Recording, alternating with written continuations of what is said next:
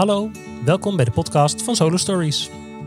Mijn naam is Benno Hoogveld en ik ben de artistiek leider en regisseur van de voorstelling Doet Sneeuw Pijn. In deze aflevering praat onze razende reporter Dook met Debbie. Met haar man Thijs had Debbie een café en kreeg ze twee dochters. Ze waren nog jong toen Thijs plotseling overdeed. Debbie vertelt wat er gebeurde, hoe ze het haar dochters heeft verteld en hoe ze haar leven weer oppakte. Debbie, heel erg fijn dat ik hier bij jou zit. Ehm, wat voor man was Thijs? Nou, eh, laat ik zeggen dat ik verliefd op hem we- werd, was eh, toen hij in de muziek zat. Hij was eh, zanger van een hardrockband, waar ik ook zangeres in was. Nou, daar was ik in terecht gekomen omdat ik zin had om te zingen. En in de Telegraaf stond een advertentietje dat ze een, een zanger zochten. En toen dacht ik, maar misschien vinden ze een zangeres ook leuk. En toen eh, eh, was Thijs er ook bij gekomen. Hij was al uit Amsterdam in de scene van de rockmuziek echt een, eh, een ehm, nou ja, ervaren zanger. En vanaf dat moment begon eigenlijk de vonk over te slaan. Was het gelijk, Ja. En was het nou, gelijk aan? ja. Ja. Na het eerste optreden was het aan. Oh, echt? Ja. En ik was ook een beetje, ja, een beetje showmeisje, een beetje danseres. Het was bijzonder in die tijd dat een eh, rockband ook een, eh, Een vrouw had. een vrouw had. Oké. En die dan ook... eh, ik kwam eigenlijk uit de danswereld, dus... Jij, jij zat Penny de Jager wild te dansen ja, een beetje soort, ja. Ja. Een beetje hardrock eh, Penny de Jager. Ja, Penny. en wat was kenmerkend voor hem? Wat, ehm, als jij moet typeren? Nou ja, heel, heel erg ehm, stoer en aanwezig. Maar aan de andere kant ook heel eh, charmant. En ehm, ja, ik eh, werd op een voetstuk eh, gezet. En daar mocht niemand aankomen, wat natuurlijk heel erg vlijend is. Ehm, en hij had ook een heel klein hartje. Hij had ook een gevoelige kant. Nou, die mix maakt natuurlijk dat het gewoon een onweerstaanbare man was. Ja. En dan kon hij natuurlijk prachtig zingen. Ja, en hij was ook een soort... Ik zag net een foto in de gang hangen. Ehm, soort van John Bon Jovi-achtig type. Daar leek hij heel erg op. Ja, eh, wij hadden een rockcafé in Haarlem. En toen eh, was het idee van als we ons nou opgeven voor die eh Rons Honeymoon quiz, dan kunnen we misschien Ron ook Brandsteder. Ons, ja, kunnen we misschien ook ons rockcafé een beetje in de picture brengen. Ja. Dus eh, zo hebben we dat gedaan. Wij hadden natuurlijk eh, met die honeymoon quiz... ehm dat hadden we niet zo goed gedaan... want eh, hij had eigenlijk in de eh, middagtijd, de opnameperiode... had hij eigenlijk al hier en daar een eh vieux cola gedronken. Dus eh, ik zag hem langzamerhand een beetje beneveld raken. En dan, hij had een hele komische dronk hoor. Maar toen kon hij eigenlijk in het programma zelf niet meer zo adequaat reageren. Dus op allerlei antwoorden van Ron Brandsteder gaf hij eigenlijk de verkeerde antwoorden. en, eh, maar toen hebben we uiteindelijk toch de tweede prijs eh, gewonnen, of de derde prijs. En dat was een geldbedrag. En van dat geldbedrag zijn we uiteindelijk op wintersport gegaan met de hele club, de klanditie eigenlijk van eh, het Rockcafé. En Thijs zei altijd van ja, ik hou niet van skiën hoor. Nee, ik ga niet skiën. Nee, ik ga wel met, nou er waren nog een paar die niet wilden skiën, gaan wij wel in de kroeg zitten. Dus eh, nou prima. Ik zei nou dan, maar dan ga ik ook geen verzekering voor je afsluiten als je dat zeker weet. Dus eh, nou zo.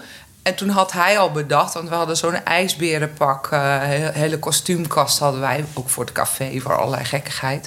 Er zat ook een heel groot ijsberenpak in. En die had hij dus meegenomen. En gaandeweg die vakantie heeft hij bedacht van... eh zou toch super lachen zijn. Er was een après-ski beneden... waar iedereen meteen zo naartoe kon skiën... en lekker met zijn drankje. Dat ik op een goede dag eh, naar beneden kom zeilen op skis... in dat ijsberenpak.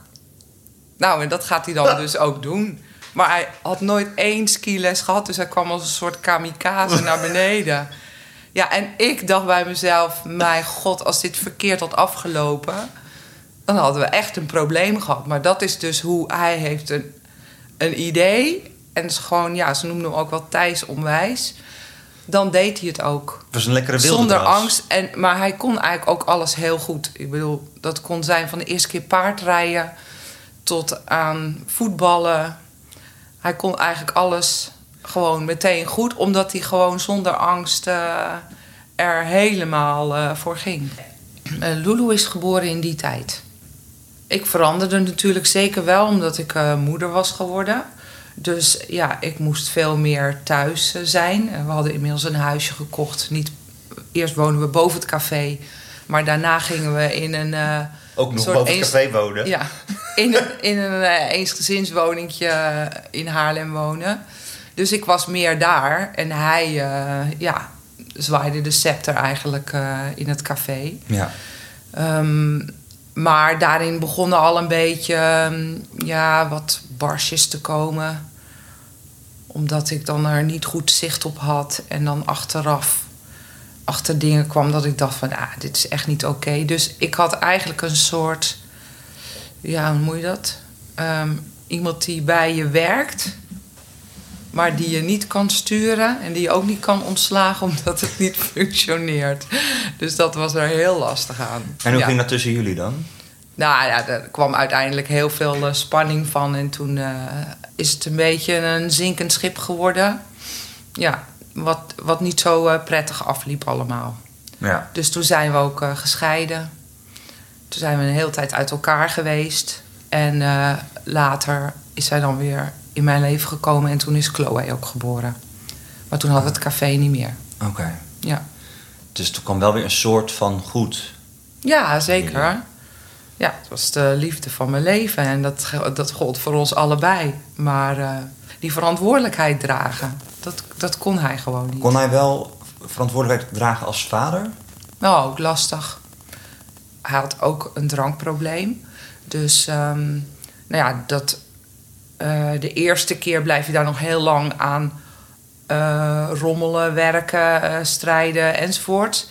Maar een tweede keer denk je van, nou jeetje, dit, dit, dit, is nu de tweede keer. Dus dan ga je niet zo heel lang in die strijd zitten. Dus toen is hij ehm, ehm, opnieuw bij ons weggegaan. En toen is hij, heeft hij een vrouw ontmoet die eigenlijk wat ouder was. En eh, het financieel helemaal voor elkaar had. En eh, ja, toen hoefde hij eigenlijk niet meer te werken. Hij hoefde geen verantwoordelijkheid meer te dragen. Maar vanuit die situatie, eh, met eh, ja, denk ik toch ook wel te veel drinken. Ja. En zijn rock'n'roll leven. Ehm, ja, dat, daar is dus op een gegeven moment iets misgegaan. En werd ik gebeld dat hij plotseling overleden was. In dat café. En weet je nog waar je toen was? Toen Ja, toen was ik gewoon s'avonds thuis. Op een dinsdagavond. Ja. Dat een van die kennissen belde van... eh, ehm, ja, eh, eh, sta je of zit je? Nou, dan weet je al dat... dus ja, en toen, En toen? Zei, ze- zei ze dat, dat ze dus een naar bericht had... maar dat Thijs overleden was. En toen lagen de meiden al op bed. En... ehm, ja, dan krijg je dat bericht en dan denk je, ja, ga je nou wakker maken of wat? eh? nou, dat vond ik eigenlijk. ehm, nee, ik heb gekozen om dat niet te doen. En eh, ik dacht, laat ik het eerst maar zelf even laten landen. Voordat ik me als moeder zijnde in die rol ga stappen van eh, vertellen dat je vader is overleden. Dus daar heb ik eigenlijk de avond en de nacht, ehm, ja, daar eigenlijk zelf mee. eh, Hoe was die avond? Hoe was die geweest. nacht voor je? nou ja, kijk, ik had natuurlijk eh, best ook af en toe eh, veel last van hem. Omdat hij gewoon psychisch en mentaal af en toe het leven niet goed aankon. En soms ook die boosheid op mij. dus het was altijd angstig of het wel goed met hem ging. Dus het voelde aan de ene kant ook eh, als iets wat ik wel. Dat scenario had ik af en toe mijn hoofd al laten passeren. Dat het wel eens vroeg afgelopen kon zijn met zijn manier van leven. En ehm, ja, ik had eh, ook een soort opluchting van eh, dat die zorg een beetje uit mijn leven weg was. Dus dat klinkt een beetje naar. Maar het was tweeledig. Ja. Ja.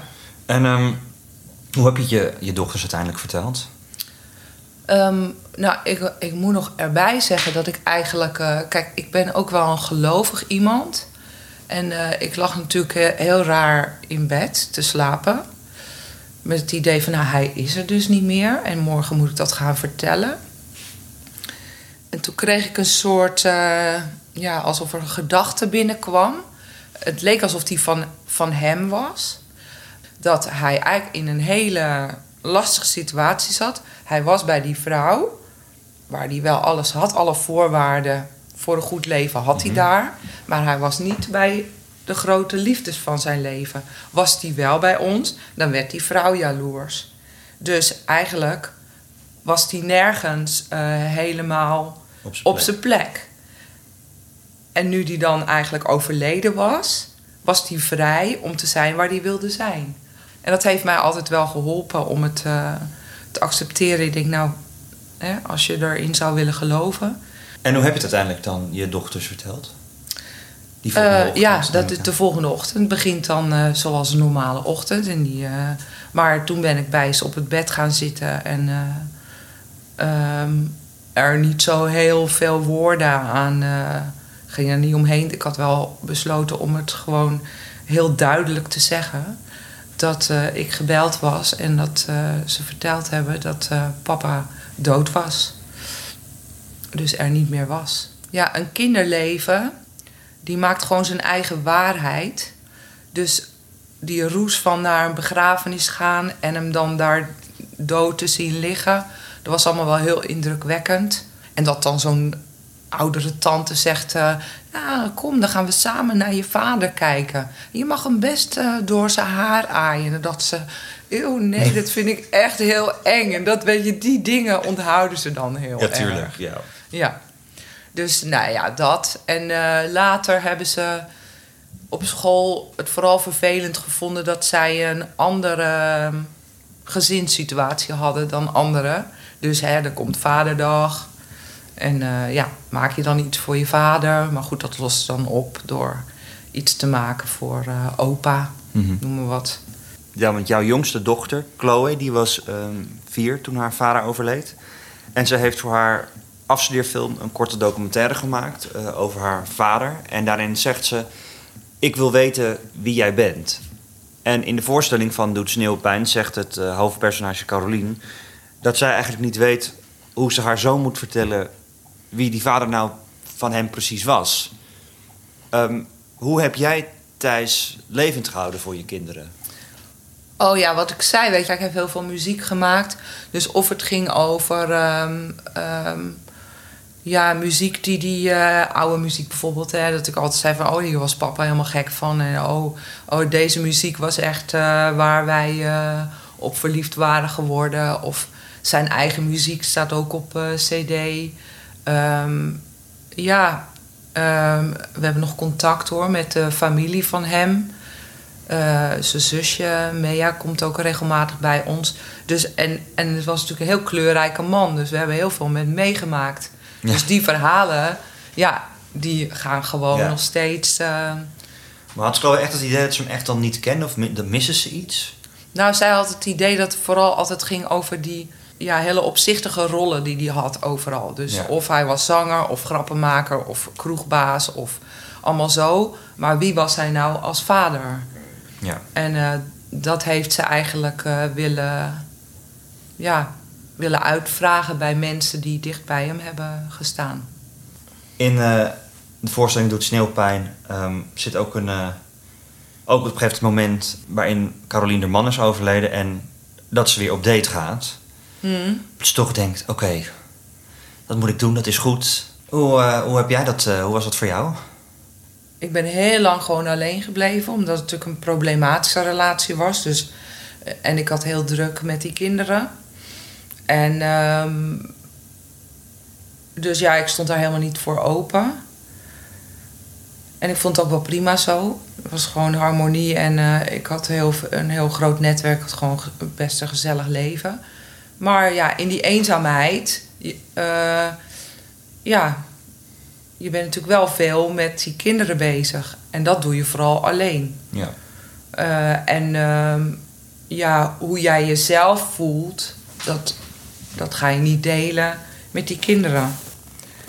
Dus dat was wel een vorm van eh, mooi weerspelen. Terwijl misschien van binnen ik wel af en toe ja, moeite had met de dingen. En eh, ja, dus een ruimte voor daten, nee, maar dat heb ik ook niet genomen. Tot ik op een gegeven moment wel ehm, dacht, nou, eh, nu heb ik heel veel verantwoordelijk zitten doen. En nu wil ik weer eens een keer Debbie zijn.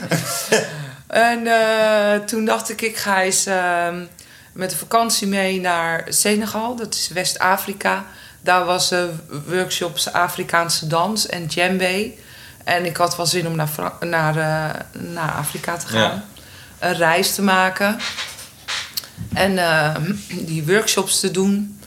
En uh, dus die reis heb ik geboekt. En die heb ik samen met uh, Lulu gedaan. En daar, daar, daar, dat is lekker ver weg daar ben ik wel verliefd geworden. Daar, daar werd je weer Debbie. Ja, dat was gewoon lekker veilig. Want uh, er kon mijn harmonie niet verstoord worden ja, maar in hoe, Nederland. Hoe, begon het? Had je, van, had je het van tevoren voorgenomen? Of was er iets van, nu is het inderdaad mijn tijd en nu ga ik toch een partijtje verliefd worden? Nee, nee, nee, helemaal niet. Even de bloemetjes, nee? Nee, helemaal niet. Nee. Maar ja, goed, uh, er wordt daar meestal iemand aan je toegewezen... omdat ze graag vinden dat toeristen begeleid worden naar bijvoorbeeld uh, het centrum lopen, door die bossen. Ja. Uh, en daar was dan een groot festival met muziek en dans. Dus uh, dan werd er eigenlijk iemand aan je gekoppeld die je dan begeleidt, zodat je dat niet in je eentje hoefde te doen. Ja. En dat was in die tijd dan Moussa. En die, ja, die was gewoon. De, maar hij was ook kleermaker op dat terrein. Dus hij werkte gewoon overdag. En s'avonds gingen we dan naar dat festival om naar allerlei voorstellingen te kijken. En dan ging hij mee. Dus ja, dat uh, begon daar eigenlijk. En ik dacht, ja, dat kan natuurlijk helemaal niet bestaan. Dus uh, nou, maar hij was heel correct. Hij zei de hele tijd uh, of ik het wel eventjes met Lulu wilde overleggen. Wat overleggen? Nou, dat wij iets begonnen te krijgen. En hij vond dat zij daar ja, toestemming voor moest geven. Hij vond het niet oké om dat stiekem te doen. Dus uh, elke dag vroeg hij weer: Heb je het nou al met Lulu erover gehad? Heel schattig. Ja. Dus je ging het Lulu vragen van. Ja. Wat heb je toen gevraagd? Nou ja, dat wij uh, verliefd waren op elkaar. En of zij dat. Uh, en reageerde ze Oké vond. Ja, ze vond het prima. Maar het was gewoon nog handje vasthouden hè, op het strand en een beetje zoenen. Ik bedoel, we gingen niet met elkaar slapen of zo. Oh ja. Want dat kan dan ook weer niet. Dat was niet netjes. Uh, ook volgens Moussa, want dat doe je niet uh, met zo'n kind erbij. Dus zo ging dat dan. Maar toen het natuurlijk het afscheid daar was, uh, dacht ik van ja, dit, is natuurlijk gewoon klaar. Maar daar ging het denk ik zo negen maanden overheen. En toen kreeg ik het verzoek om een soort tussenpersoon te worden tussen de toeristen daar. Ik sprak goed Frans. Ik was natuurlijk danseres. Dus of ik dan eigenlijk soort de communicatie kon zijn tussen de bezoekers, de met deelnemers. Met hem contact met, met Moussa? Ja, een beetje brieven schrijven en dat soort dingen. Af en toe eens bellen. Maar je had niet het idee van, ik moet gelijk mijn koffers pakken of hij moet nee, naartoe? Nee, helemaal niet, nee. Dus toen ben ik na tien maanden of zo ben ik gevraagd om weer naar dat centrum te komen. Maar dan in de hoedanigheid van uh, ja, bemiddelaar tussen die toeristen en de docenten. De dansdocenten, wat dan natuurlijk Senegalezen mm. waren. En toen zag ik hem weer natuurlijk. En toen was het weer. En toen werd het eigenlijk serieuzer. En toen ben ik alles bij elkaar, geloof ik, wel zes keer daar geweest. Steeds alleen? Uh, nou, een keer ook met Chloe. We hebben daar een bruiloft gehad, helemaal Afrikaans. En toen uh, de papieren geregeld dat hij naar Nederland kwam. En toen kwam hij naar Nederland. En toen is er nog een zoon geboren. En hoe was dat? Ja, dat was natuurlijk. Uh, toen waren zij 15 en 10, zoiets. En toen werd ik nog weer moeder. Ja. En dan was het voor uh, Lulu en Chloe, hoe heet dat er opeens? Uh, of nou, kijk, hij kwam wel uh, af en toe drie maanden op zo'n toeristenvisum hier wonen. Dus um, ze kenden hem inmiddels wel. Maar het is best wel een stap hoor, om te zeggen van. we waren natuurlijk zo met z'n drieën. Ja. Het was echt zo'n ja, hele hechte eenheid. Dus ehm, dat was wel, ik vond het ook wel spannend dat er dan ineens een man in huis. En dan ook nog natuurlijk uit een andere cultuur. Maar ja, ik, vond, ik, wilde, ik wilde het wel aangaan. Was je bang wat mensen ervan vonden of zo dat je opnieuw zwanger was? Ben je ermee bezig geweest?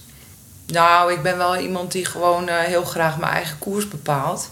Maar op het moment dat ik dan zo'n vreemde afslag neem, voor sommige mensen, dan eh, ja, komen daar wel opmerkingen over. Ben ik soms ook wel verdrietig over geweest. En wat voor opmerkingen waren Nou ja, van eh, ja, hoe, hoezo moet dat nou nog? En eh, ja, iedereen heeft natuurlijk ook ideeën over deze Afrikaanse mannen. Wat dan? Nou ja, of ze dan wel hun verantwoordelijkheid dragen, of ze doen het alleen maar voor de papieren, of ze doen het alleen maar om in Europa te komen. Heb je daarover, was het een twijfel?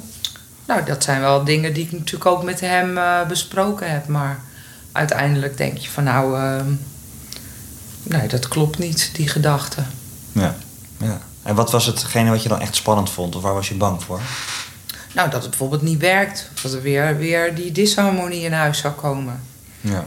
Dus, eh, en, en dat kwam ook hoor. Ik bedoel, eh, het heeft uiteindelijk niet kunnen bestaan. Maar ehm, ja, daar hebben we ook wel weer een vorm voor gevonden. Hij woont ergens anders. En dat is oké zo. Eigen- Ja. Eigenlijk een beetje zoals het met Thijs ging. Die woonde ook ergens anders. Maar ja, ik ben gewoon geen verbitterd persoon. Ik kan vergeven, ik kan naar de persoon kijken en denken van ja, jij hebt ook zo je beperkingen, zeg maar. En daardoor werkt het niet. Maar dat maakt niet dat ik dan eh, meteen jou eh, ga afserveren als eh, een klootzak of...